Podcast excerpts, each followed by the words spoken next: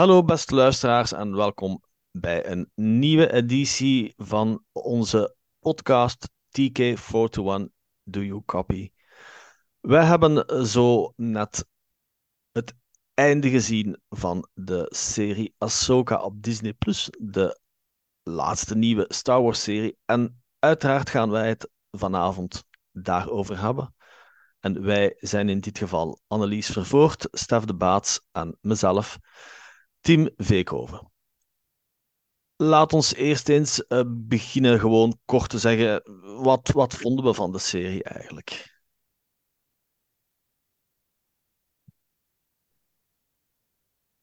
Annelies. Um, ja, ik vond het wel een, een, een goede serie. Ik heb er wel met plezier naar gekeken. Het was met momenten wel een beetje traag. En, uh, het was ook wel anders dan, dan wat ik er ergens van verwacht had. Uh, maar uh, het was zeker goed gemaakt. Er zaten veel referenties in naar Rebels en de Clone Wars natuurlijk. Um, en er zijn heel veel nieuwe verhaallijnen gestart waar we mee verder kunnen in het Star Wars-universum. Dus ja, het was zeker de moeite. Ja, ik deel uh, de mening van Annelies ook. Maar allee, ik had wel redelijk hoge verwachtingen van deze serie, omdat Ahsoka wel een van mijn favoriete personages uh, is. Um, en sommige stukken. Ja, ik, moet, ik moet zelf zeggen, ik heb liever de, de Clone Wars Ahsoka dan de ja, oudere of de volwassen versie van Ahsoka. Um, maar dan vond ik het dus ook enorm leuk dat er een uh, kort stukje was allee, met uh, zogezegd een flashback in de Clone Wars. Dan vond ik dat toch wel heel leuk. Um, maar um, ik heb het gevoel bij het einde van deze serie dat het vooral ja, toch eerder een seizoen uh, hoeveel seizoenen zijn er van Rebels? Ik weet het niet zeker, maar het volgende, nee, het nieuwe seizoen, uh, dus het, zesde, het, vijfde seizoen van, van Rebels is zo gezegd.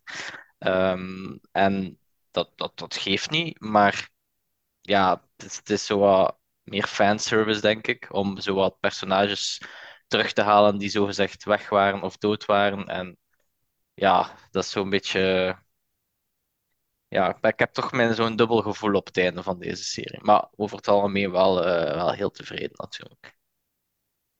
Um, ik vond de serie echt heel goed. Mm, het is zo'n beetje de antipode van Andor, denk ik. Andor is echt gegrond in, in heel veel realiteit. Terwijl deze serie zich echt aan het andere eind van het Star Wars spectrum bevindt. Met heel veel uh, magie en ja, speciale, mysterieuze dingen. En ik denk dat uh, het heeft bewezen dat, dat uh, Star Wars in alle tweede aspecten heel goed, heel goed kan zijn. nu, voor mij is eigenlijk was de serie min of meer wat ik ervan verwacht heb. Ehm, dus ik zeg niet dat ik, dat ik dat ik niet verrast ben voor bepaalde dingen, maar het is echt wat ik er min of meer van verwacht had. Um, en ik wil ook meteen dan eens terugkomen op hetgeen wat wij een aantal podcasts geleden hebben het even gehad over Ahsoka. En er zijn best een aantal voorspellingen uh, van uitgekomen. Uh, namelijk dat we Tron en Ezra vrij laat in de serie zouden zien. Dat was nu in aflevering 6, als ik me niet vergis. Uh, dus dat is toch relatief laat. Dat The World Between Worlds een rol zou spelen. Dat was toen op voorhand wel een blauw vermoeden van. En ook van het andere universum, ja, dat was uh, min of meer wel al uh, min of geweten in, in geruchten. En dat is dus bij deze ook uitgekomen. Uh, nu, als we de serie indelen, denk ik dat we het kunnen indelen in twee grote blokken. Het eerste blok voor Peridea en het tweede blok ja, op Peridea. En dat die dan gescheiden worden door die aflevering 5 uiteraard. in The World Between Worlds als we dan eens kijken naar die, de, eerste episodes, eigenlijk die opbouw. Annelies, wat vond je daarvan? Die eerste vier episodes dan zeker? Ja, de eerste vier episodes. Um, ja, daar kwamen natuurlijk veel referenties in naar Rebels. Het waren afleveringen met heel veel detail, maar uiteindelijk werd er ook niet zo heel veel verteld. Omdat we toch eigenlijk weinig achtergrond gekregen hebben van Ahsoka en Sabine en hun voorgeschiedenis. We, we komen dan te weten dat Ahsoka Sabine heeft opgeleid als Jedi. Maar wanneer en hoe precies en waarom dat ze dan uit elkaar zijn gegaan, dat, ja, dat komen we dan op het einde te weten. Omdat uh, Hu Yang dan vertelt dat Ahsoka bang was dat uh, Sabine naar de dark side zou afglijden. Uh, ja, de Purge op Mandalore. Maar er is eigenlijk... Ja, in die afleveringen gebeurt er veel, maar ook... We komen voor de rest ook niet zo heel veel te weten over Ahsoka eigenlijk. Nee, inderdaad. En ik, ga er, wil meteen van de situatie gebruik maken om daarop terug, om op een scène terug te komen, namelijk die eindscène in Rebels, op de allerlaatste scène van de serie, dat Ahsoka terugkomt naar, naar Sabine. Um, Als we dit allemaal letterlijk gaan vertalen, is het wel moeilijk om in te schatten wanneer dat die zich echt afspeelt. En volgens mij speelt ze zich nog altijd af op het einde van de Galactic Civil War. En ja, Ahsoka draagt daar inderdaad die witte mantel, maar ik vermoed dat hij al langer in die shuttle zat. Dus ik weet niet of we ons er mogen op blind staren, want ik zie geen andere manier om ze te passen. Voorlopig in de chronologie. Want we hebben zo een, een hele gelijkaardige scène gezien in, in uh, Ahsoka, maar ja, daar, daar, uh, daar kloppen ook een aantal dingen in. Dus mij gedacht, is die scène uit Rebels gewoon toen dat, uh, Ahsoka de eerste keer stopte en ze Sabine kwam halen en haar dan is beginnen te trainen. Ik weet niet of dat, het ooit, of dat het ooit effectief gaat, gaat worden gezegd, want Filoni heeft er ook al een keer geheimzinnig over gedaan. Over die, uh, de exacte datering van die scène. Ja, ik vind dat ook een moeilijke, want de, in de serie, de live-action serie, is er echt moeite gedaan om die scène daar heel hard op te doen lijken. Ja. Maar het is toch niet hetzelfde. Nee, En is... er is zo de, de, Ja. die tijdsperiode dat daartussen ligt, waar dat we eigenlijk totaal niet van weten wat dat er dan gebeurd is. Nu, op zich vind ik dat niet echt erg dat we dat niet gezien hebben, want het, het moest ook niet zo een flashback-serie worden zoals The Book of Boba Fett, hè. Dus het, Nee. het is oké dat het, dat het er niet in zat, maar ik denk dat het voor sommige kijkers misschien toch wel verwarrend zal geweest zijn. Misschien moeten we die scène in Rebels niet al te letterlijk nemen en gewoon zien als een soort van, ja, algemeen algemene afsluiting dat Ahsoka terugging naar Lothal en dat Sabine eh, met haar meeging zonder ons er al te, te veel vragen bij te stellen. Misschien. Ja. Eh, dit terzijde. eh, Sabine die wordt opgeleid als een Jedi. Stef, vond je dat een verrassing of was dat iets dat eigenlijk in de lijn der verwachtingen lag voor u?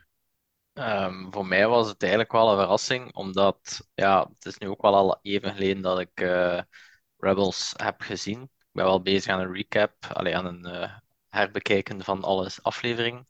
Maar ja, voor mij was het toch wel zoiets van, oei, eh, heb ik wat gemist? Want ja, ik wist zelf niet dat zij force sensitive was.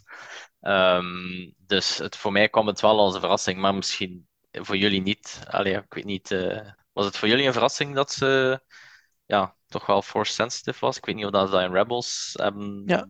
Ik vond dat ook wel vreemd, want in Rebels traint ze wel met, de, met een lightsaber en met de darksaber, maar het gebruik van een lightsaber is niet hetzelfde als een Jedi zijn of force sensitive zijn. En ik denk niet dat daar voordien echt op gehind was in Rebels. En ook in de Ahsoka zelf zegt Hu Yang toch ook verschillende keren dat ze eigenlijk totaal geen talent heeft en dat je dat ook maar raar vindt dat zij opgeleid wordt als Jedi, omdat ze toch...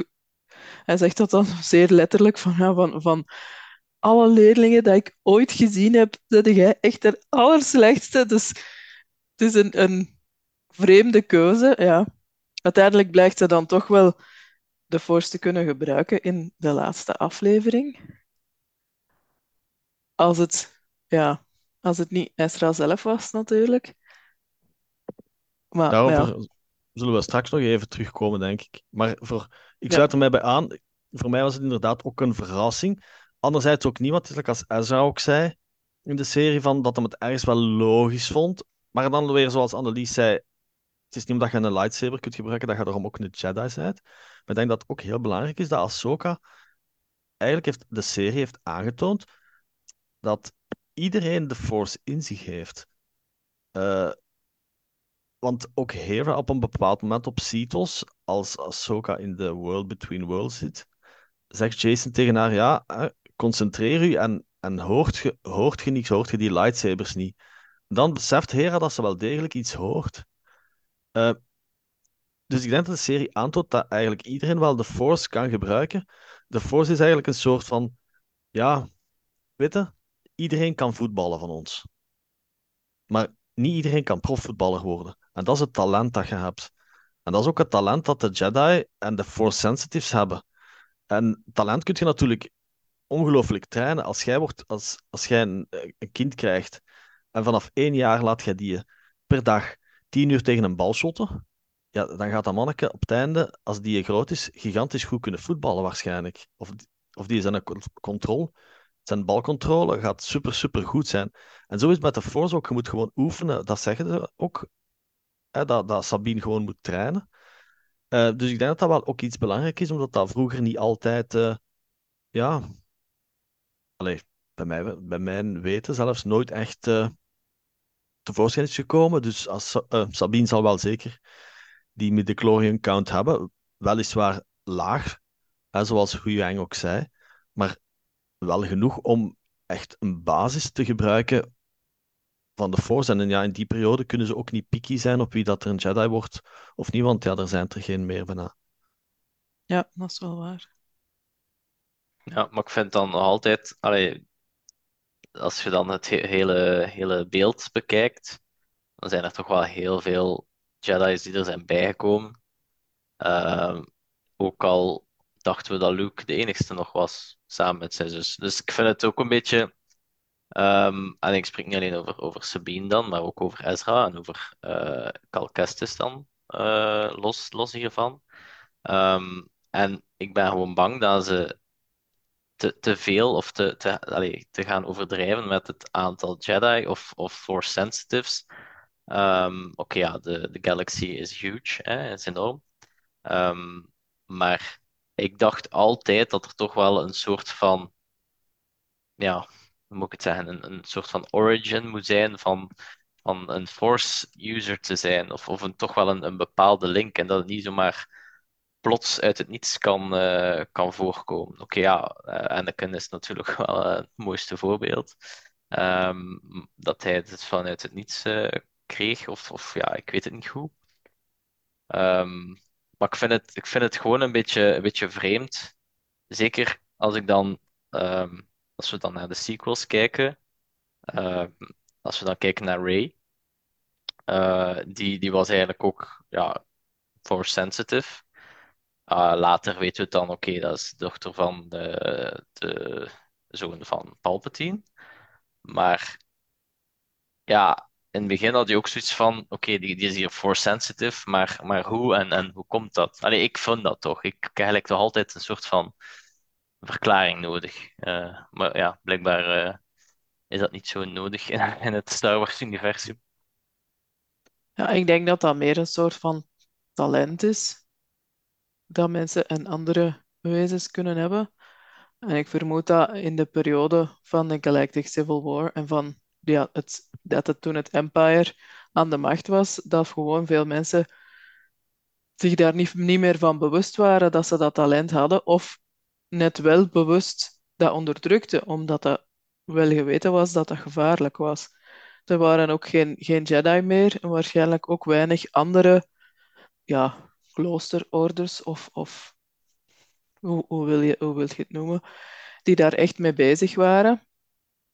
En ik denk dat dat gewoon iets is dat dan vergeten werd. Maar aangezien de Jedi op zich normaal gezien geen kinderen hadden, is het eigenlijk wel logisch dat het een talent is dat iemand heeft, gewoon random, dat niet vanuit een familieband voortkomt. Bij de Skywalkers is dat wel zo, dus er zal misschien wel een, erfelijk aspect zijn, maar ik denk dat het ook gewoon iets random kan zijn. En zoals dat je zelf ook al zei, de galaxy is zo groot. Ik, ik ben het wel eens met u dat, dat ze moeten oppassen dat niet ineens elk personage force sensitive is en dat ze niet met nog meer tientallen eh, survivors van Order 66 moeten afkomen, want dan op den duur heeft dat geen waarde meer. Hè? Nee, ik ben het daarbij eens. Ik heb dat ook. Dat heeft ook iets vroeger dat mij ook stoorde in het Expanded Universe. Als Yoda zegt tegen Luke: The last of the Jedi will you be. Mm, ja, oké, technisch gezien, Ahsoka is geen Jedi meer, et cetera, et cetera. Dus je hebt al voor veel dingen een verklaring. Ook Belen en Shin zijn geen Jedi meer. Eh, maar ja, ik, ik ben het er ook mee eens. Ze moeten daarbij oppassen. Nu is Ezra ook terug. Eh, dus, eh, maar ja, oké, ze zitten nu na Return of the Jedi. Dus eh, ja, ze hebben ze voor zichzelf eigenlijk terug een weg, weg vrijgeruimd eigenlijk. Hè.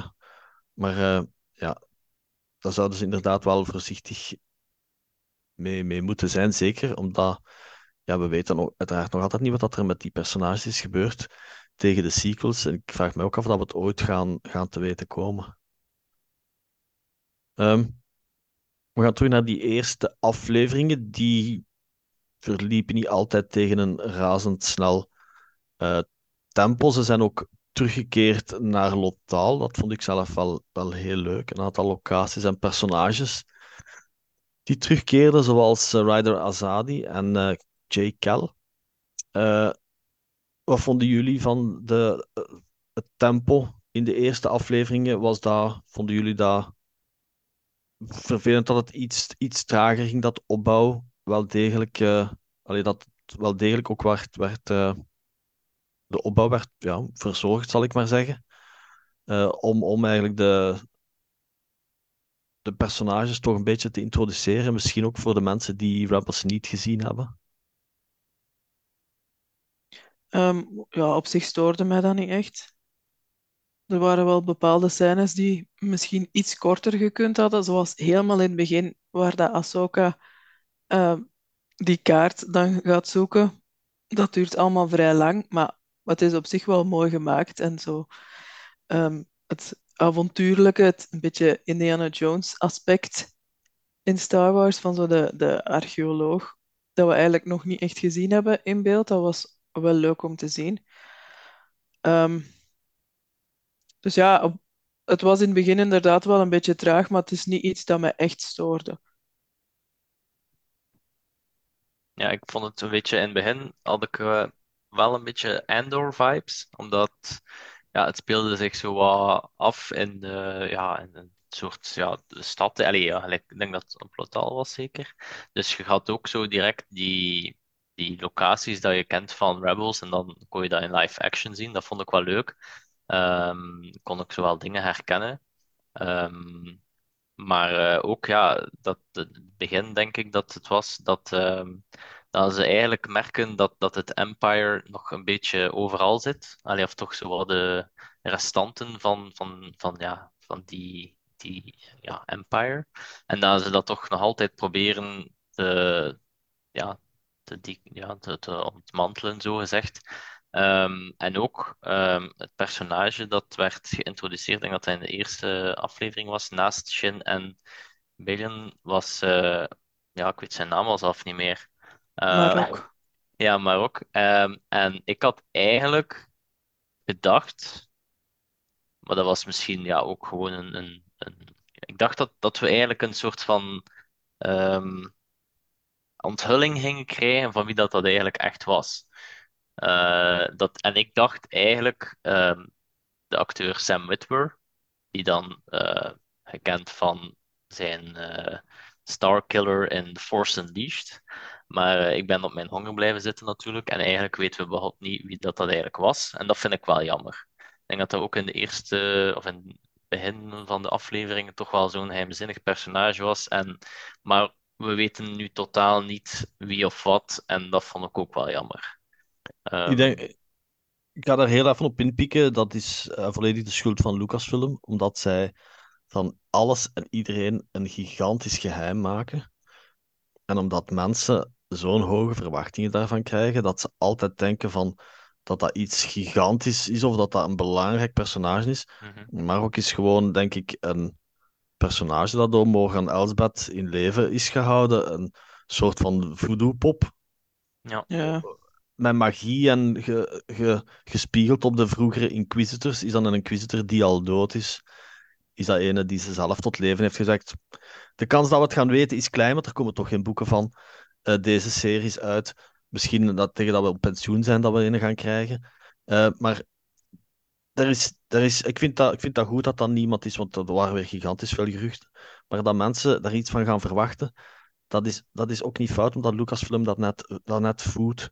Vroeger tijdens de prequels hadden we waarschijnlijk gewoon gekregen van, kijk, Marok, een Mysterious Inquisitor of zoiets in die aard. Maar nu weet je er niks van. Dus mensen gaan inderdaad denken van, oeh, dit en oeh, dat. Maar ja, het is eigenlijk hun eigen schuld.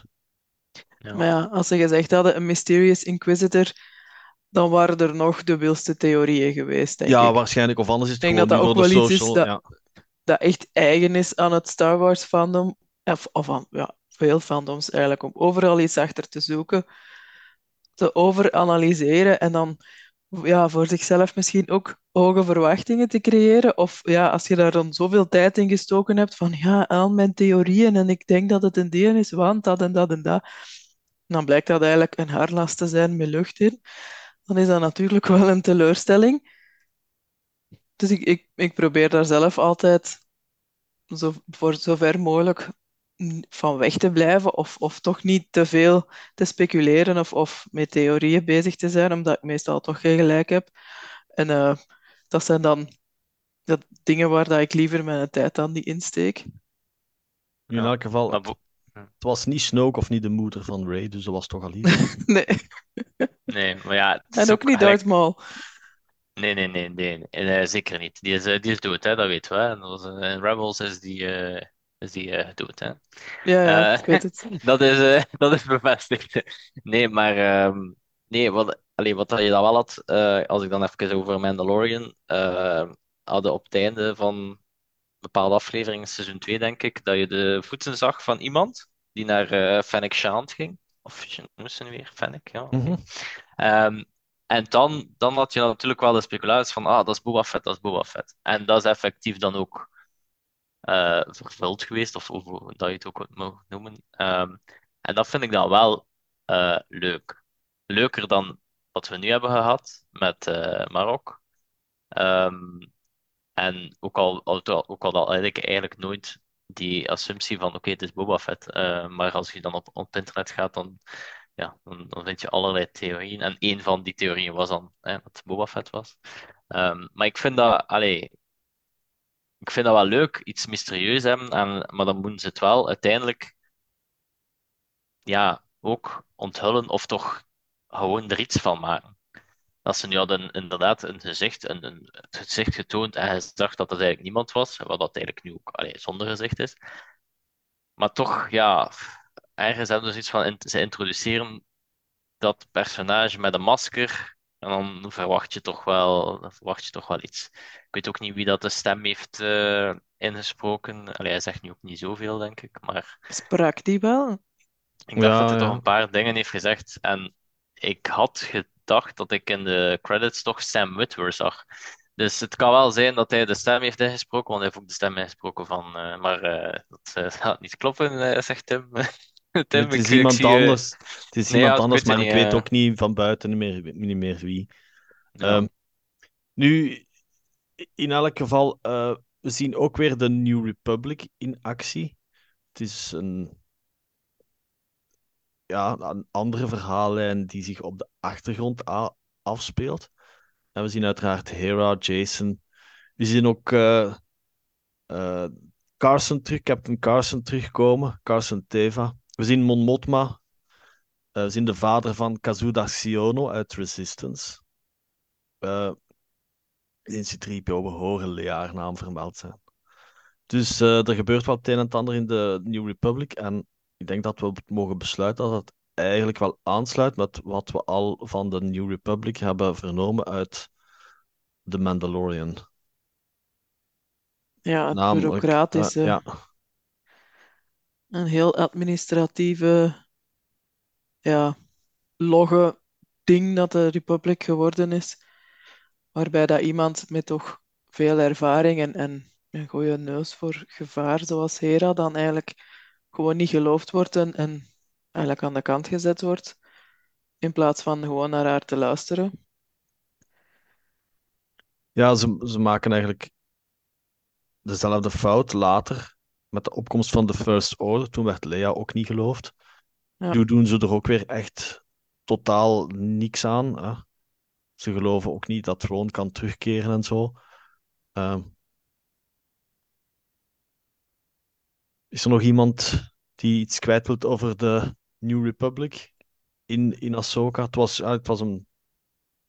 Zeg, het was meer op de achtergrond, maar het was wel leuk, vond ik, ook om de schepen nog eens terug te zien. Ook de- een aantal nieuwe schepen. Ehm, Ik Ja. vond het eigenlijk wel vreemd dat Zep niet in beeld gekomen is. ja, we weten nu dat Zeb... Allee, we hebben Zeb natuurlijk al gezien in The Mandalorian. We weten dat hij ook nu nieuwe piloten recruteert. Maar eh, Ja. ja, Maar ja, het is vreemd dat, dat Hera hem niet zou opgeroepen hebben om mee te gaan kijken op Zetos.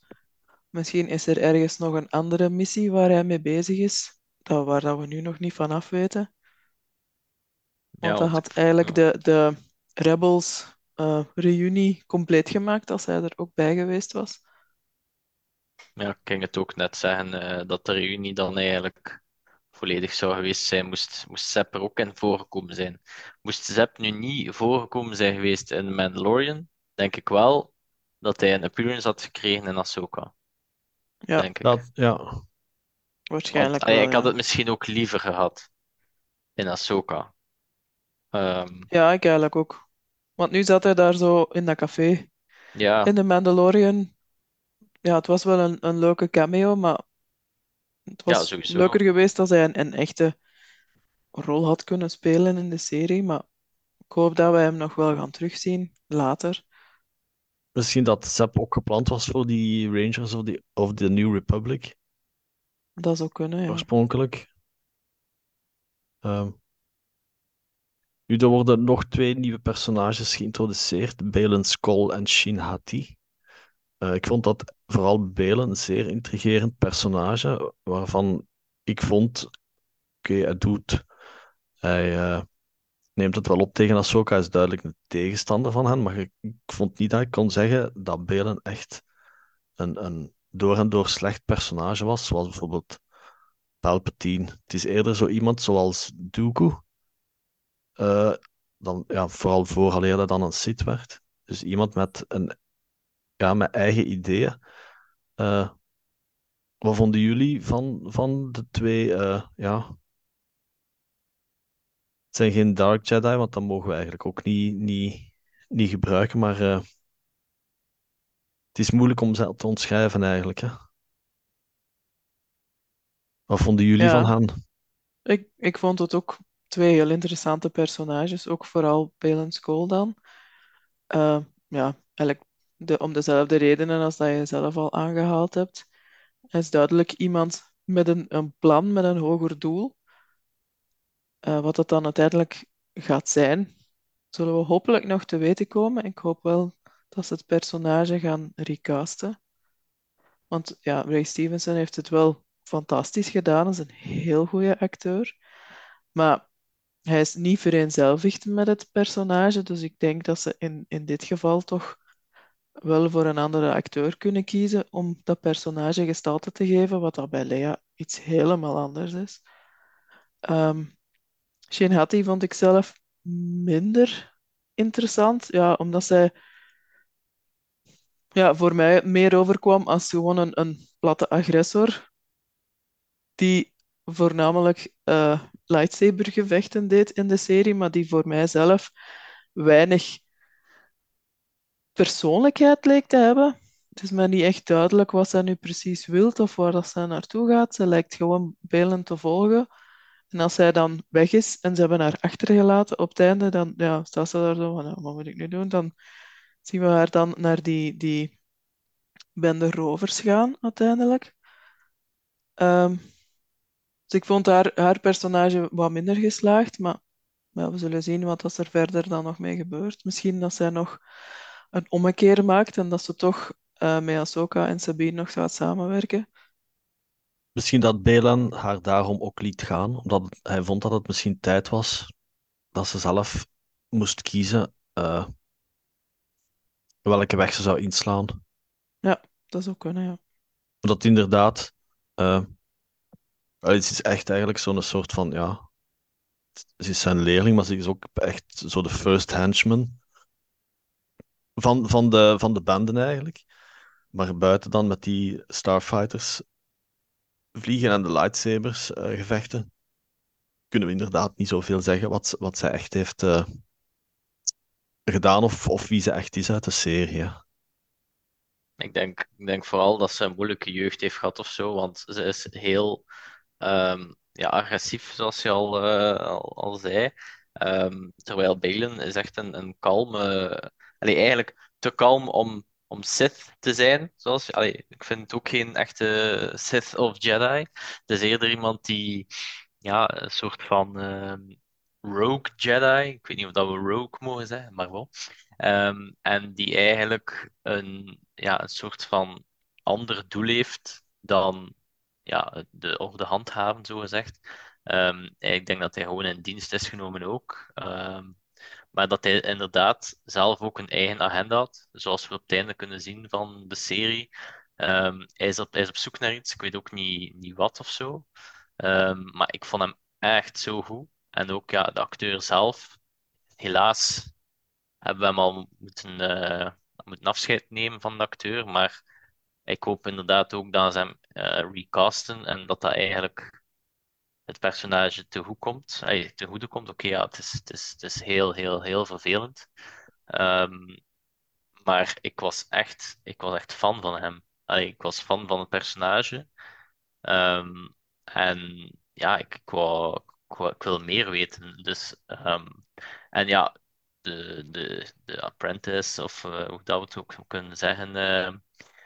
Ja, veel, veel weten we niet van haar. Hè. Ehm, ik denk dat ze ook gewoon eh, misschien, misschien ontsnapt is na Order 66, eh, maar dan ja, een beetje misschien alleen is, is gekomen of alleen is, is gelaten geweest en zat niemand of zo. En dan kwam Balin. En allee, ik begin al zo'n beetje na te denken hoe dat die band is ontstaan. Maar eh, dat vermoed- ongetwijfeld wel te weten komen in latere seizoenen of boeken of ik weet het niet. hè.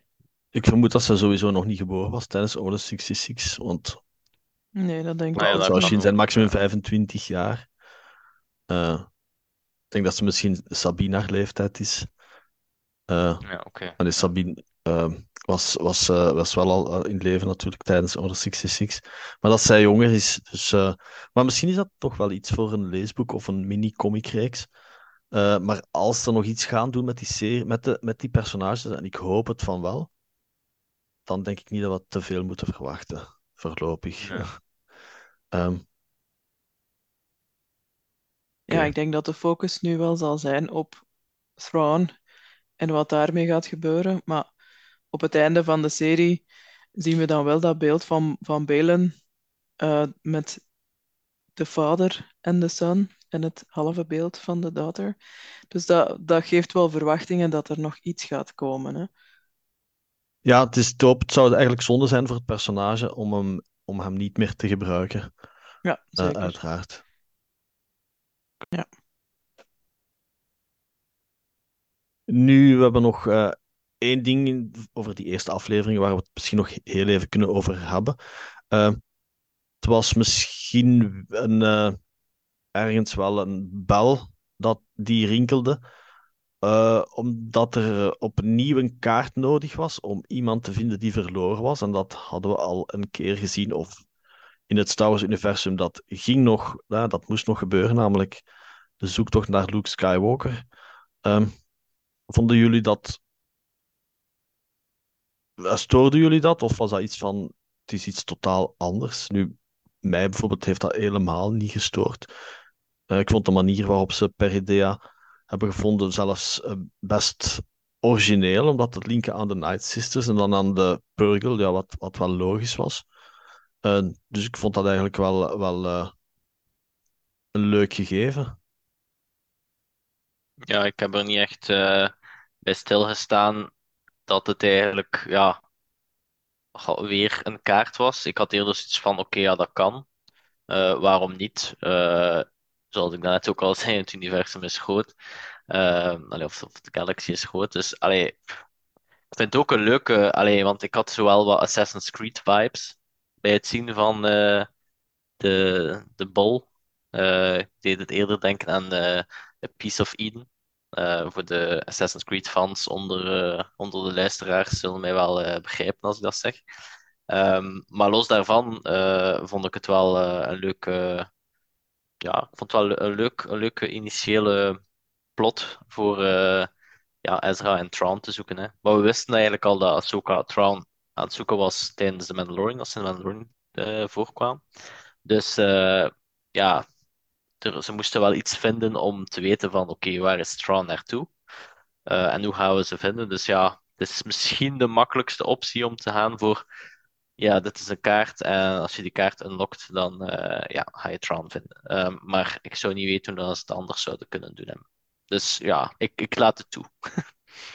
Ja, ze waren ook al Ja. natuurlijk al lang aan het bouwen aan die Eye of Sion, omdat ze anders er toch niet geraakten. Of dan dat ze sowieso de Chimera nooit terug hadden kunnen door hyperspace brengen. Hè? Ja, inderdaad. Het was iets dat mij eigenlijk ook helemaal niet stoorde. Omdat het, het, het ganse ehm, hyperspace aspect er dan nog bij kwam. En ja, een kaart om iemand of iets te vinden is sowieso een, een typische trope van avonturen, boeken en films en series. Dus ja, dat is niet te vermijden, hè. Allee. Nee, inderdaad, hoe zou je anders iemand vinden? Hè? Waarom, waarom bestaan kaarten? Ja, om de weg te zoeken. Hè? Ja. Ehm, op een bepaald moment eh, verdwijnt Ahsoka in de oceaan op Cetos na een duel met Belen en komt zij in die World Between Worlds terecht. Daar hadden we het ook al eens over in het verleden. Eh, die aflevering werd vrij fel bejubeld, denk ik, ook wel terecht, zelfs in bioscopen gegeven. eh, in Amerika en Engeland, wat ik dan wel weer vreemd vond, omdat pas in de aflevering daarna dan we Ezra en Thrawn terugzagen. Ehm, wat vonden jullie van die aflevering nummer 5? Ja, ik vond dat een heel goede aflevering. Ehm, ja, we hadden het nog gehad over The World Between Worlds en dat, het, dat we liever niet hadden dat ze het zouden gebruiken als een soort van plot device om eh, ja, bepaalde dingen op te lossen of mensen uit het verleden terug levend te maken of, of zo van die dingen. Maar uiteindelijk hebben ze het dan op een heel goede manier gebruikt. Het was eigenlijk een ideale manier om Anakin er te laten inkomen, ehm, zonder dat ze hem de hele tijd moesten, la moesten Force Ghost laten spelen of zo. Of zonder naar echte, echt- echte flashbacks terug te, terug te moeten grijpen. Dus ik vond het eigenlijk een heel goede, heel vondst. Om er een soort van ja, laatste les van Anakin naar Ahsoka toe van te maken. Ehm, de flashbacks dan, of herinneringen, of ja, hoe je het ook mag moet noemen, van de Clone Wars, had ik niet verwacht dat we de, een jonge Ahsoka gingen zien. Ehm, dat vond ik heel verrassend. Wat dat mij ook heel hard opviel, was hoe jong dat hij eruit zag.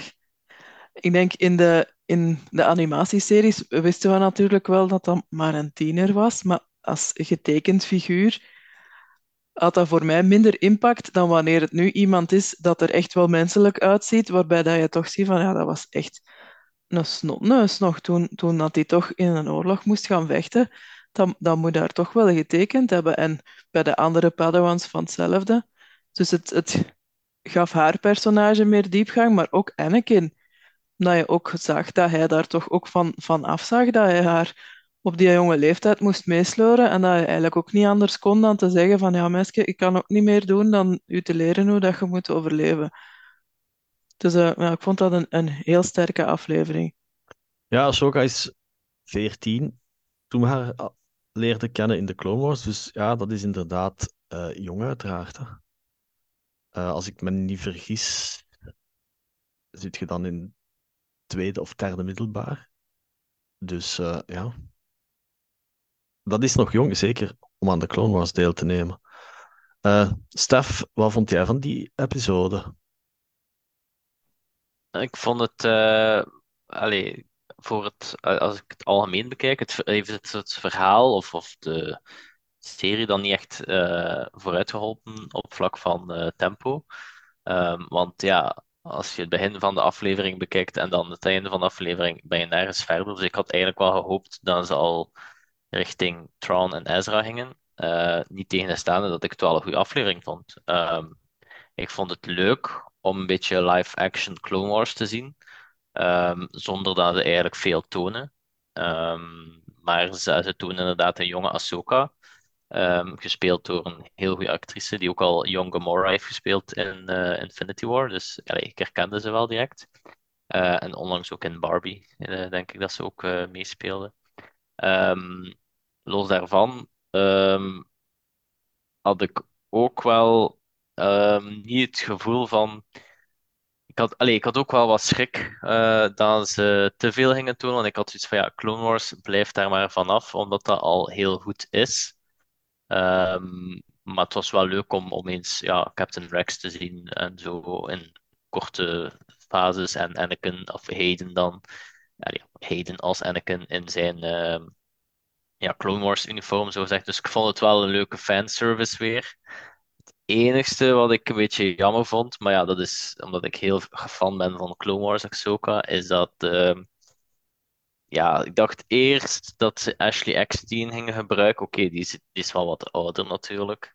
Maar of dat ze desnoods haar stem hadden gebruikt, oké, ja, het is, het is, het is live action, dus dat, maakt het eigenlijk niet zoveel meer uit. Ehm, maar ja, het was, het was, allee, ik denk dat ik iets minder enthousiast ben dan de meeste mensen van die aflevering, omdat ja, uiteindelijk is er niet zoveel onthuld. Of allee, ik ben meer iemand die houdt van onthullingen of geheim, ge- geheimen die dan eh, plots eh, te weten komen. Dus voor mij was het hele van ja, oké, dit hebben we al gezien. Of allee, dit is niks nieuws. Ehm, maar ja, ik ben misschien een, een anti-fan of zo, ik weet het niet. Nu, wat, wat, eh, Althans, ja. hetgeen wat dat mij opviel is, The World Between Worlds hebben we in het verleden dan drie keer gezien, maar dat was drie keer op Lotaal. Eh, in de Jedi Tempel, waar er dus wel degelijk een connectie of een soort van poort of een toegangspoort was tot die World Between Worlds. Maar hoe zit dat eigenlijk nu? Was er op Cetos ook toevallig een toegangspoort? Of heeft de Will of the Force ingegrepen om Ahsoka naar daar te halen? Of was het Anakin die als de Chosen One, ook al was hij er niet meer, eh, was, was hij fysiek niet meer in leven? Of was het dus eh, Anakin die heeft ingegrepen? En de tweede vraag is de Anakin die wij zien. eh, volgens mij was Anakin er niet bewust. Is het gewoon hetgeen wat de Ahsoka zich onbewust voorstelt? En heeft Anakin er eigenlijk daar actief niks mee te maken? Ja, dat is een goede vraag. Ehm, ik ben het daar wel eens met jou dat ik denk dat het ook niet, niet of niet altijd de echte Anakin was. Maar daar hadden we het, denk ik, in de aflevering waar dat we het hadden over Ahsoka in Rebels ook al over, dat die World Between Worlds en ook die, ehm, die Jedi-tempel op Lothal, waar Ezra dan ingaat, dat daar van alle dingen gebeuren, dat ze daar mensen tegenkomen waarvan dat we ook niet echt weten, zijn er daar nu echt, zijn dat visioenen van de Force? Dat weten we niet. Hoe dat ze daar is ingekomen, ja, dat weten we ook niet. Was het een interventie van Anakin? Eventueel. Maar er, het feit dat die, die beelden van eh, de vader en de son en de daughter aanwezig zijn op Peridia lijkt er wel op te wijzen dat die planeet sowieso al een connectie heeft met de Force. Dus misschien is dat sowieso gemakkelijker om daar naartoe te gaan. Of misschien is het een soort van tussenwereld waar Jedi of echt Force-sensitive wezens naartoe gaan als ze sterven. Dat is een soort van ja, vage vuur is. Zoals eh, in de laatste Harry Potter film, wanneer hij eh, ja, gedood wordt door Voldemort. En dan ook in zo'n soort van treinstation is het zeker terechtkomt en dan kan terugkeren na zijn gesprek met Dumbledore. Dus misschien is het wel zoiets. Het Ik is dat, allemaal ja, heel mysterieus. qua mytholo- mythologie en religieus zou je het zeker eh, zo kunnen verklaren. Nu, het is logisch dat Anakin, denk ik, verschijnt omdat Ahsoka moet in die World Between the World eigenlijk twee lessen leren. Ten eerste, ze moet leren aanvaarden wat dat er met Anakin gebeurd is. En dat ook sowieso ja, aanvaarden voor zichzelf. En ten tweede, de keuze die Anakin haar stelt is inderdaad, eh, do you want to live or do you want to die? Eh, ik denk dat het Ja, wel, eh, ja, misschien dat het niet voor iedereen heel duidelijk was, maar ik vond het wel eh, leuk dat Ahsoka eigenlijk in die World Between Worlds de, eigenlijk de tegenovergestelde boodschap krijgt dan wat Kanan kreeg in de Jedi-tempel. Want toen had de Inquisitor tegen hem gezegd, enfin, de Inquisitor die dan toen Jedi Temple Guard was, die zei dan tegen hem, ja, je moet Ezra toch iets, je moet Ezra meer loslaten. En toen dat Kanan dat kon, is hij dan geridderd geweest tot Jedi Knight. En de boodschap die Ahsoka nu krijgt is, van kijk, je verdient eigenlijk een stand tegen je achterste, want je moet iets meer betrokken zijn met Sabine en iets meer betrokken zijn met, met hetgeen wat dat je doet. Eh, ofwel verkiest om te sterven, dan is het oké, weet dan laat je het los. Ofwel leeft je en je gaat ervoor en, en je haalt je, ja, versterkt eigenlijk je connecties met de personages rond u en met de wereld rond u. Dus ik vond dat wel een mooie, een mooie boodschap eigenlijk. ja, ja, zeker. En ja, uiteraard, ik denk de vergelijking met Lord of the Rings en eh, Gandalf, ja, dat, dat ligt er uiteraard vingerdik op. Ik denk niet dat we daar nog moeten op terugkomen. Ik denk dat dat ook duidelijk was. Hè. Ja, Dan komen we aan eigenlijk in het tweede grote deel van de serie. Dan belanden we op Peridea, via de Eye of Sion, of dan uiteraard via de Purgil. Ehm, wat vonden jullie eigenlijk van, van die planeet in het andere universum, globaal bekeken, zonder hetgeen wat dat er zich afspeelde? Wat, wat, allee, ik, ehm, ik vond dat wel, ik vond het heel leuk. Het is heel interessant, het opent heel veel deuren. Het enige wat ik mij afvraag is, ehm, hebben ze genoeg, moet ik het zeggen, conceptueel en fantasierijk gegraven om de planeet uit te beelden? Bijvoorbeeld, eh, voor mij was dat gewoon een planeet die leek alsof ze in het gewone universum was. Hadden ze bijvoorbeeld niet de lucht, weet ik veel wat, roos kunnen maken of echt iets heel raar kunnen doen? Zoals eh, vroeger George Lucas wel deed met de films, altijd de planeet zo verschillend mogelijk maken. Eh, vonden jullie dat die planeet genoeg... Allee, ja, de eerste vraag is, moet die planeet verschillend zijn aan de andere planeten in het andere universum? Maar eh, ja, ik weet niet of dat genoeg doordrong dan misschien aan, aan meer casual kijkers, dat die planeet, dat dat een ander universum is. Ja, ik vond wel, allee, ik had toch ook wel meer verwacht van een planeet uit het andere universum. Eh, maar zoals ja, jij het ook vond, vond ik het ook. Het was eigenlijk gewoon, het kon perfect in het allee, gewone universum zijn. Maar misschien is dat eigenlijk juist waar, wat dan, dat ze dat wouden tonen. Van ja, eigenlijk is het niet zoveel verschillend van ons eh, universum. Ehm, maar ja, ik had tijdens het tweede deel van Ahsoka niet echt het gevoel van, ah ja, ze zijn nu in een ander universum of ze zijn nu heel ver weg. Ehm, ik vergat dat ook telkens omdat je inderdaad niet echt het gevoel krijgt van, ze zijn nu ook echt heel ver weg. Ja, het enige dat er is, oké, ze hebben geen backup of ze hebben geen... Tijdens de aflevering weet je ook van, ja, er gaat niemand hen komen helpen.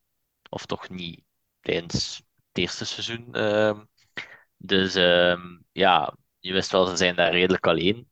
En dan zie je die, eh, die rovers, of ja, hoe dat ze ook noemt. Ehm, dus je, ja, maar die zagen er ook niet zo speciaal uit. Die zouden ook perfect gewoon in het algemene universum eh, kunnen voorkomen. Dus ik had er wel iets meer van verwacht. Ehm, het was ook een redelijk dode planeet. Allee, of toch heel weinig eh, te doen of te zien. Maar ja, dat kan ook perfect in, een gewone, in het gewone universum zijn. Dus ja, ik was een beetje, ja, ben niet teleurgesteld, maar een beetje blijven zitten op mijn honger. Dus Nu, eh, ik volg je daar wel in. eh, Tim. ja, ik moet mezelf een klein beetje verbeteren. Ik bedoel echt vooral qua uiterlijk. Want er is wel degelijk een groot verschil, namelijk dat die eh, witches, of de, de Night Sisters die wij kennen, blijkbaar van op Peridea afkomstig zijn. En hun gebruik van de Force met die magics is wel degelijk anders. Dus er is wel degelijk, eh, dat is bijvoorbeeld een groot verschil. Eh, en ik vermoed ook dat Peridea een soort van Force magneet is, eh, in de aard van Dagobah bijvoorbeeld. Dus dat zijn bijvoorbeeld wel verschillen, maar die kwamen visueel, ik bedoel vooral visueel, die kwamen visueel niet echt eh, alleen door. En visueel vond ik het gewoon een ander pla- gelijkend op andere planeten, maar inhoudelijk waren er wel degelijk verschillen.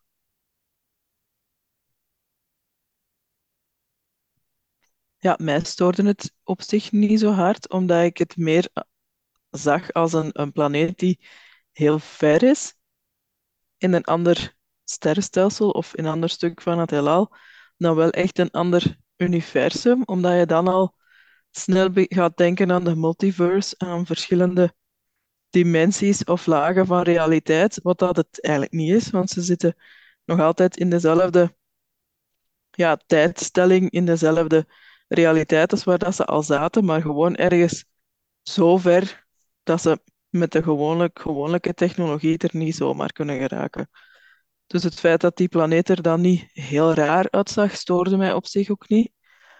En ik denk dat het misschien ook bewust gedaan is om echt te kunnen focussen op de personages en op het verhaal dat moet verteld worden en om daar dan niet de meest exotische planeet van te maken, waar dat je dan eigenlijk heel de tijd bezig bent met wat dat er te zien is in de achtergrond. Dus ja, het was iets dat, dat mij eigenlijk niet echt stoorde of, of waar ik niet echt over nagedacht had. Het is niet dat het mij echt stoorde, maar het viel mij eigenlijk wel op. En het is nu wel zo, we mogen niet vergeten, Camino, dat lag eigenlijk ook niet in hetzelfde universum. Dat was een soort van sub-universum dat boven het eigenlijke universum zat, maar dat was dan ja, veel dichter te bereiken. Maar het is heel bijzonder om in de hele geschiedenis van Star Wars, ik denk zelfs ook in het Expanded Universe, als ik me niet vergis, het eigenlijk de eerste keer is dat men dus ooit het Star Wars-universum verlaat. En daarom vond ik dat wel een hele bijzondere gebeurtenis, die aan zich niet zo super bijzonder aanvoelde, ook al waren het gewoon een Ezra daar. Nu, we hebben het al over gehad, hè, wie komen we dan allemaal tegen? De Great Mothers, de drie eh, ja, witches die trouwens genoemd en gebaseerd zijn op de drie ja, de fates uit de Griekse mythologie, die met dat oog en, en, die, en, de, en de, de draad hè, konden de, de toekomst voorspellen. Onder andere aan Perseus hebben ze geloof ik van alles uh, proberen wijs te maken. Uh, ja, wat vonden jullie dan uiteindelijk van, eerst laten we het eerst hebben over Troon en zijn manschappen. Uh, wat vonden jullie daarvan? Toen we hem, het was natuurlijk lang te verwachten dat we hem gingen zien. Uh, ja, het was wel opvallend dat, ze, dat zijn stormtroopers er zo anders uitzagen. Natuurlijk met die rode banden uh, over hun uniform. Um, ik weet niet of dat jullie dat weten, maar zijn dat dan eigenlijk ook mensen die dood zijn, die terug tot leven gewekt zijn? Of hebben zij hun uniform gewoon aangepast? Hebben ze dat gemaakt? Zou dat met, zou dat met die magic te maken hebben? Of zouden zij gewoon, ja... Ik denk wel dat ze effectief dood zijn en dat ze dus terug tot leven zijn gebracht door de, allez, de witches. Allee, ik denk dat, ik weet niet, misschien is het al bevestigd of niet, maar want uiteindelijk in de laatste aflevering zie je ze effectief ook weer sterven en dan tot, weer tot leven komen, maar ik denk enkel Ja. de, de, hand, allee, de first henchman of eh Enoch, dan dienen wel ehm nog een speciaal is, of hij toch, nog leeft, of denk ik dan. Maar dat de Mhm. rest eigenlijk gewoon eh cannon fodder is en eh, ja, zombies durf ik niet te zeggen, maar ja, dode, levende stormtroopers zijn. Ja, we hebben ze sowieso gezien in de laatste afleveringen.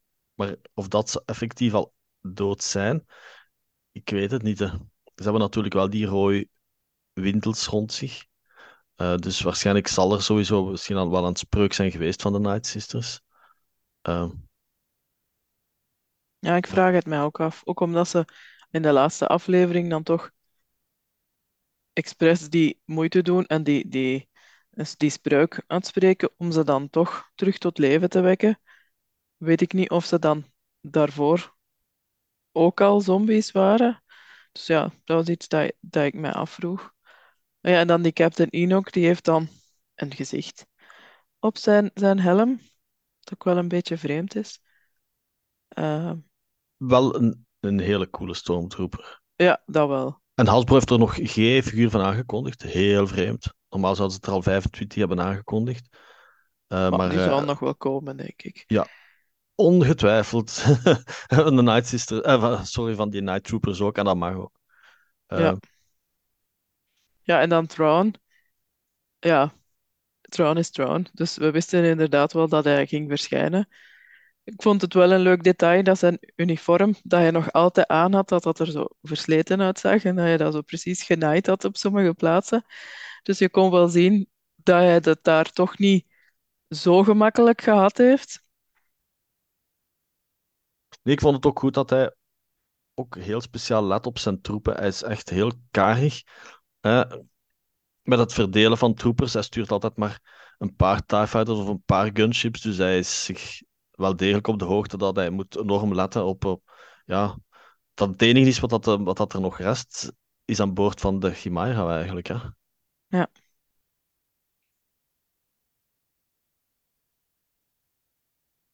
Um, wat kunnen we nog uh, spreken over uh, Troon? Ik denk dat we er ook iets moeten hebben. Wat over die vreemde, want dat is eigenlijk iets dat denk ik onder de radar blijft um, en dat nog niet is opgelost. Maar waarom wil de troon per se die mysterieuze cargo vervoeren naar het universum? Wat steekt er in allemaal die kisten? En ik heb er eerlijk gezegd ook nog niet zoveel over nagedacht. Nee. Zijn het overleden Night Sisters die ze meebrengen? Zijn het zijn stormtroopers die uh, dood zijn, die hij wilt meenemen om extra troepen te hebben. Hebben jullie een idee wat het zou kunnen zijn? Is het iets op Peridea, een of ander geheim ja, wapens kan het niet zijn, want het waren wel heel veel kisten. Het leken inderdaad ook op een soort van doodskisten. Dus, uh... nee, geen idee. Die Zombie Night Sisters hebben we al gezien in de Clone Wars, dus dat zou iets kunnen zijn dat ze gaan terugbrengen. Dat zou wel heel creepy zijn als ze zo met een gansschip lijken terug zouden keren naar Dathomir. Maar ze zijn natuurlijk wel naar Dathomir gegaan, dus misschien dat het wel degelijk de bedoeling is om met die Night Sisters terug te gaan naar hun, ja, hun thuisplaneet dan, omdat ze daar misschien beter die magics kunnen gebruiken om effectief en die Army of the Undead uh, ja, terug leven in te blazen. Hè? Inderdaad, ik vond dat het is een beetje onder de radar gebleven. We zullen het er wel hier ergens over hebben, maar er wordt ook geen, als ik me niet vergis, geen enkele hint in de serie gegeven wat het zou kunnen zijn. Alleen dat Tron het super, super belangrijk vindt en dat, ja, dat hij zonder die cargo transfer eigenlijk niet wilt vertrekken. Hè? Ja, ik denk dat het vooral iets heel belangrijk is dat Tron hebben willen gebruiken. Hè? Uh, in, uh, in het tweede seizoen, denk ik dan. Um, maar wat het zou kunnen zijn, ja, sowieso iets van die planeet. Of het is nog iets dat, ja, dat nog van voor dat hij daar is beland uh, is, maar dat betwijfel ik. Um, ja, of ja, lijken misschien, ja, inderdaad. Uh, ik zou ook eerder zoiets denken. Of, of gewoon ja, een soort van ja, een uh, waardevol materiaal dat ze op Peridaya hebben gevonden. Dat heel veel geld gaat opbrengen of zo, dat, dat hij zou kunnen gebruiken om dan ja, troepen te kunnen kopen of alleen mercenaries te kunnen inhuren uh, om voor hem te vechten. Maar ja, het wordt inderdaad ook niet naar gehint of uh, Dus ja, ik denk dat we het pas gaan weten uh, het volgende seizoen. We gaan er inderdaad nog eens goed moeten over nadenken. Dan gaan we het hebben over die andere bandeling, namelijk Ezra, die we eindelijk terugzagen. En we gaan het even ja, over de casting. zeker Ezra. Ik denk dat, je, dat ze onmogelijk iemand beter hadden kunnen casten. Uh, dan uh, S, uh, Eman Esfandi zeker, is de acteur die Ezra speelt. Ja. Uh, ik denk niet dat ik hem ergens van kende, maar dat was gewoon Ezra. Die tekening, die tekening waren gewoon tot leven gekomen, vond ik. Ja, ik vond hem ook heel goed gecast. Hij heeft ook zo Ezra zijn maniertjes en zijn gezichtsuitdrukkingen heel goed onder de knie. Dat moet ik ook zeggen van Natasha Liu-Bordizzo, die Sabine speelt, die dat ook perfect doet. Want Sabine kan zo'n zo, zo ja, zo'n arrogante snuit trekken, wat dat zij ook echt perfect doet. Dus zij, zij is voor mij ook echt gewoon tot leven geworden, Sabine. Ik had het iets moeilijker met Hera, omdat ik haar minder, Mary, uh, Mary Elizabeth Winstead, minder zag als Hera. Zeker in de trailers en in, in de eerste aflevering dacht ik nog, maar, maar later was ik daar dan wel meer mee mee. Ja, ik denk dat dat misschien ook is omdat ze niet menselijk is en omdat Hera heel scherp getekend wordt in de animatieseries. En ja, ze heeft natuurlijk niet zo'n hypersmal gezicht, dus dat, dat is misschien daardoor dat ik het daar iets moeilijker mee had. Maar het is wel een heel goede actrice en ze heeft de, de rol wel heel goed gedragen. Ja, want de casting is eigenlijk super. Als we nog een keer Lars Mikkelsen uh, meetellen, dan uiteraard Ray Stevenson en David Tennant als Yuang, die altijd goed is bijna om het, om het even wat hij doet. Dus het is eigenlijk wel een serie met een, een hele sterke casting. Ja, zeker. En dan ook de drie Night Sisters, de, die, die Great Mothers. Die worden gespeeld door actrices die al in andere science fiction series en zo gespeeld hebben. Nu, ja, ik kijk eigenlijk niet zo heel veel science fiction series en zeker niet die series, maar je moet de namen maar eens opzoeken. En als je ze wel gezien hebt, dan zal je ze zeker en vast herkennen. Ehm, we gaan dan naar het, uh, ja, meer naar het einde toe van de serie. Uh, hadden jullie verwacht dat niet iedereen van op Peridea zou kunnen ontsnappen? Ik niet in elk geval. Ik, ik dacht dat het misschien niet zou lukken voor iedereen om te kunnen ontsnappen. Dat misschien Ahsoka nog kon uh, ja, vermijden dat ze konden vertrekken. En dat het daar ging van afhangen of dat ze weggeraakten, al dan niet. Maar uiteindelijk zijn ze dan wel weggeraakt, maar alleen met Ezra. Dus dat had ik wel niet verwacht, dat Ahsoka dan zou stranden op uh, Peridea samen met Sabine.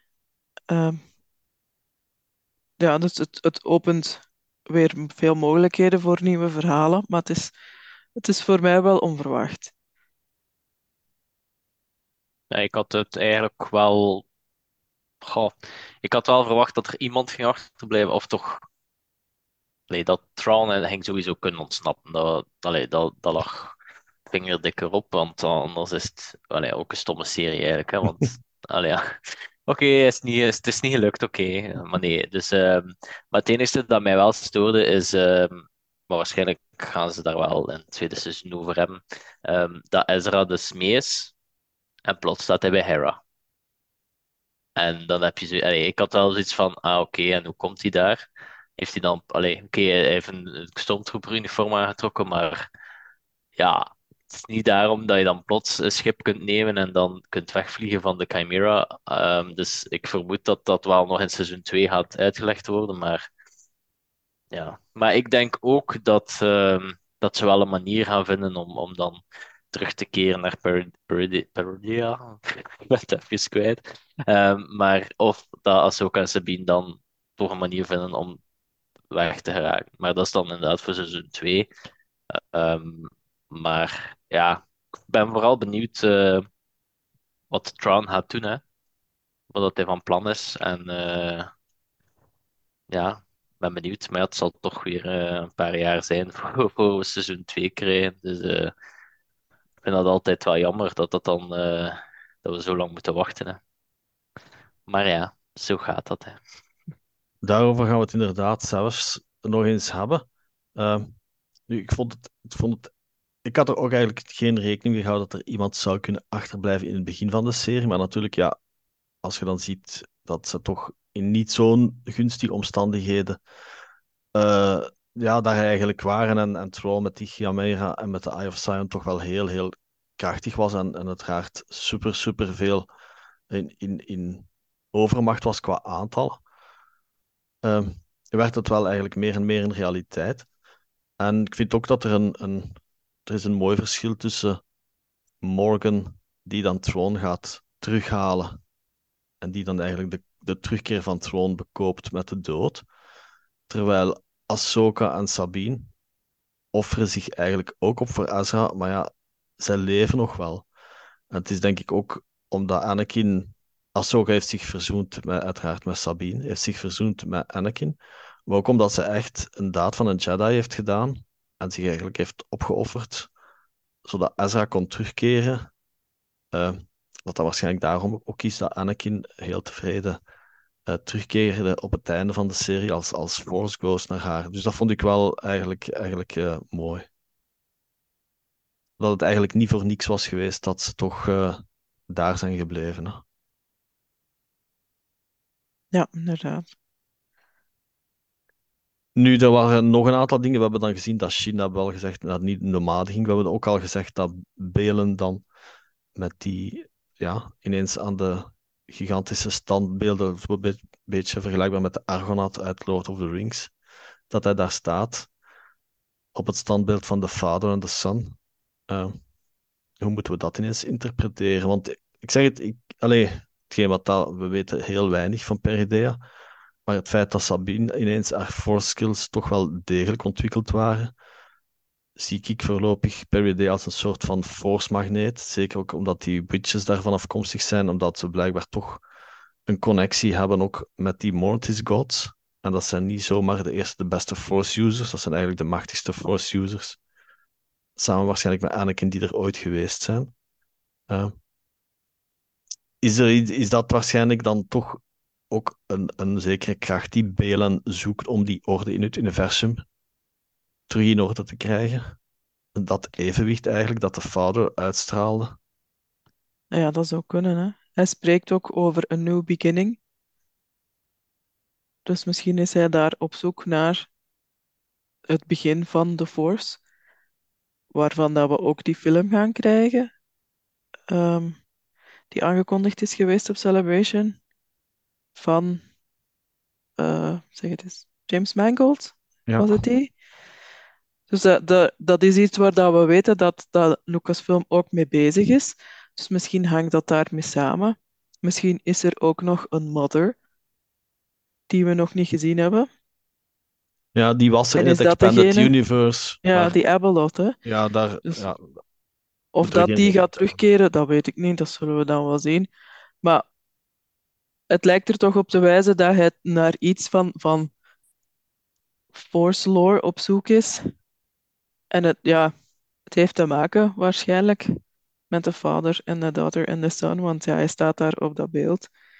Nu, hij staat daar ook maar te staan, dus wat dat er dan voor de rest gaat gebeuren, dat moeten we dan afwachten. Maar het is zeker intrigerend voor wat er nog gaat volgen. Ja, hij is precies op zoek naar iets dat eigenlijk heel die geschiedenis van de Jedi en de Sith overstijgt. Ja. En dan kom je inderdaad bij die Mortis Gods uit. Nu nog iets heel interessant. Het standbeeld van de daughter was niet compleet. Daar was een heel groot stuk vanaf. En wie zagen we weer rondfladderen op de achtergrond? Morai, Morai. de convor van, die vaak in de buurt van Ahsoka zit.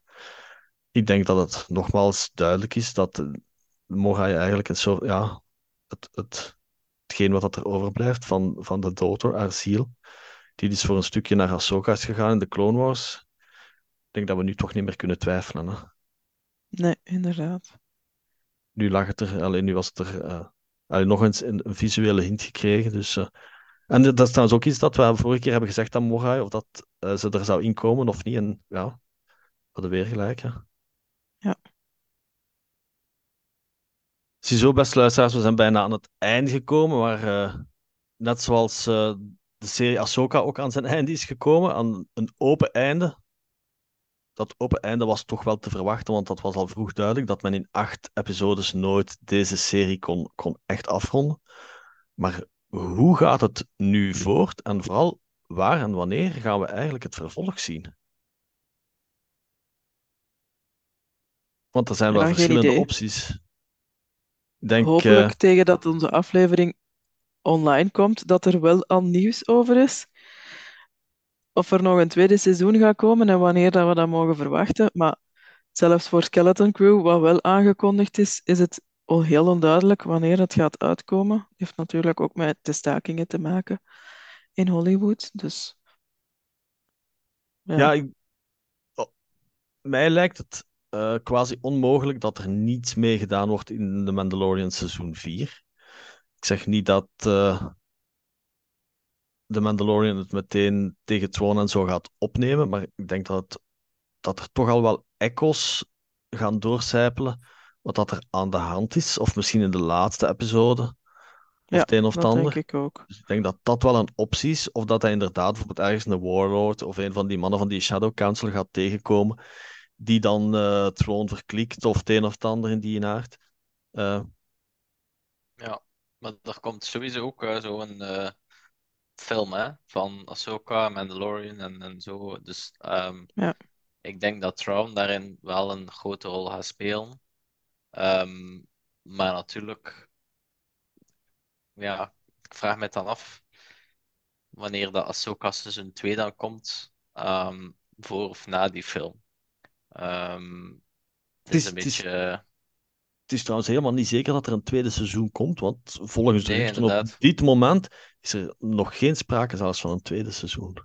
Ja, wat dat wel raar is, want het is wel een serieuze open einde. Maar misschien, ja, is dat gewoon, willen ze kijken naar die film, hè? Dus het gaat, gaat er misschien, gaan de personages terugkomen in de film en wordt het misschien het eerste 20 minuten van die film, gaat het dan een beetje over Ahsoka of zo, en dan, ja, beetje snel snel. Maar ja, ik, ik zie het eigenlijk niet. ehm dat ze het allemaal in, in de film kunnen steken.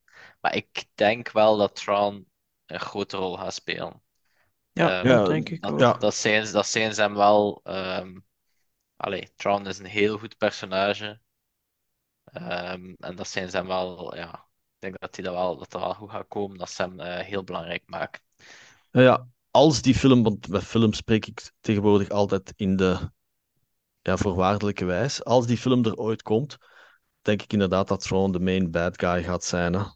Net zoals eh, bij Marvel, dat we dat ook gezien hebben, dat er dan verschillende main bad guys komen. Nu, er is nog ene joker die Lucasfilm eh heeft, en dat is Skeleton Crew. Want die personages in Skeleton Crew bevinden zich naar het schijnt ook in dat andere universum. Ja, Dus het zou me niet verbazen. Dus de premisse van Skeleton Crew en Annelies, jij op Celebration. Ah ja, Stef, jij ook op Celebration. Dus jullie kunnen mij eventueel verbeteren. Maar eh, het is een premisse van drie, of drie jongeren, dacht ik, in een ruimteschip die dan het personage van Jude Law tegenkomen. Ze zijn hun weg kwijt en zij moeten eigenlijk hun weg terugvinden. Dus dat zou me ja, niet verbazen, moesten zij in de laatste aflevering op Perdea belanden. En Sabine en Ahsoka meenemen. Ja, dat zou inderdaad kunnen. Want in de, de teaser dat we toen gezien hebben, was het ook duidelijk dat zij vermist waren. Dus die ouders en ook mensen van de New Republic waren het, denk ik, die waren op zoek naar die kinderen. Die waren nergens te vinden, op geen enkele star map waren die te zien. Dus die zitten dan waarschijnlijk inderdaad ook in dat ander universum. Hoe dat die daar gekomen zijn, dat weten we niet. Dus het, het ziet er wel naar uit dat er zo inderdaad een link gaat zijn dan met Ahsoka. Maar ik, ik denk dat het, het verhaal van Ahsoka sowieso wel zal verteld worden. Want het is toch het, het kind van Filoni ergens op een manier. Toch een van zijn belangrijkste personages. En ik, ik denk dat hij haar verhaal wel zal afmaken. Misschien niet onder de noemer van Ahsoka seizoen 2, maar misschien onder een andere noemer. Dat, dat weten we nog niet. Maar er zijn nu zoveel verhaallijnen opengelegd en zoveel aanzetten gegeven dat ik inderdaad ook niet denk dat ze nu gaan zeggen van ah, oké, dat was het dan en we gaan verder met, met de, de Mandalorian.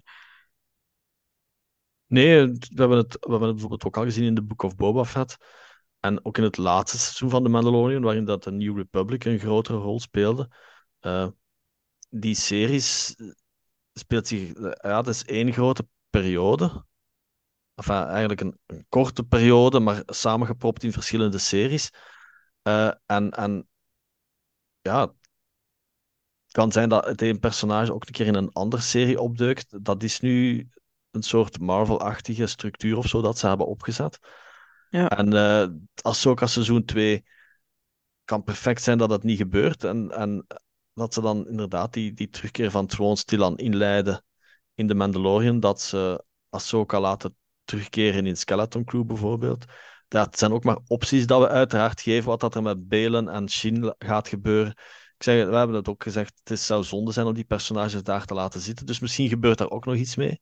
Uh, en misschien wordt gewoon seizoen 2 aangekondigd. Dat is uiteraard ook mogelijk, hè? maar eh, dan zullen ze weer het script van die film misschien moeten bijschaven. Dus het zijn allemaal dingen waar we eigenlijk niks van weten op dit moment. Maar zouden ze die grote lijnen al niet uitgezet hebben? Goh, Filoni kennen het denk ik van wel, want die had in het begin ook al alles in grote lijnen uitgezet van Rebels. Hè? Dus, uh, ja, ik denk niet dat ze echt al een, script gaan hebben van die film. Dat zou mij verbazen, omdat er ook zoveel screenwriters nee, nee, ja. niet gewerkt hebben. Maar ik denk dat ze wel een algemeen beeld hebben, of, of Dave Filoni toch een algemeen beeld heeft, toch zeker van Ahsoka, waar, waar dat zij naartoe gaat en wat er met Ron gaat gebeuren. En misschien moeten ze nu zien met wereldse zaken zoals budgetten en beschikbaarheden van mensen, wat dat er kan en hoe dat ze het, het in beeld gaan krijgen. Hè? Ja, inderdaad. Ik denk ook dat hij wel de grote lijnen weet hoe dat het verhaal eindigt. Of naar waar dat het naartoe gaat gaan. Maar inderdaad, dat ze nog moeten invullen van hoe dat ze de weg daarnaar gaan, gaan invullen. Want ja, hij brengt dan wel heel veel van zijn personages terug. Uit Tron is uiteindelijk ook daar hem terug geïntroduceerd geweest. Hera, Ezra, Sabine, Ahsoka. Ja, dat zijn heel veel personages die van Dave Filoni afkomstig zijn. De Mandalorian ook een, voor een deel. Dus uh, die film wordt wel heel... Als tegen dan iedereen nog in leven is, wordt die film wel gigantisch uh, druk bevolkt, denk ik. Ja. Goed, is er nog iemand die nog iets wilt uh, toevoegen aan deze podcast? Nee. Nee. Voilà. Dan denk ik dat we tot het einde zijn gekomen. En dan maken we alvast een afspraak voor de volgende editie van onze podcast. Bedankt voor het luisteren en tot de volgende keer.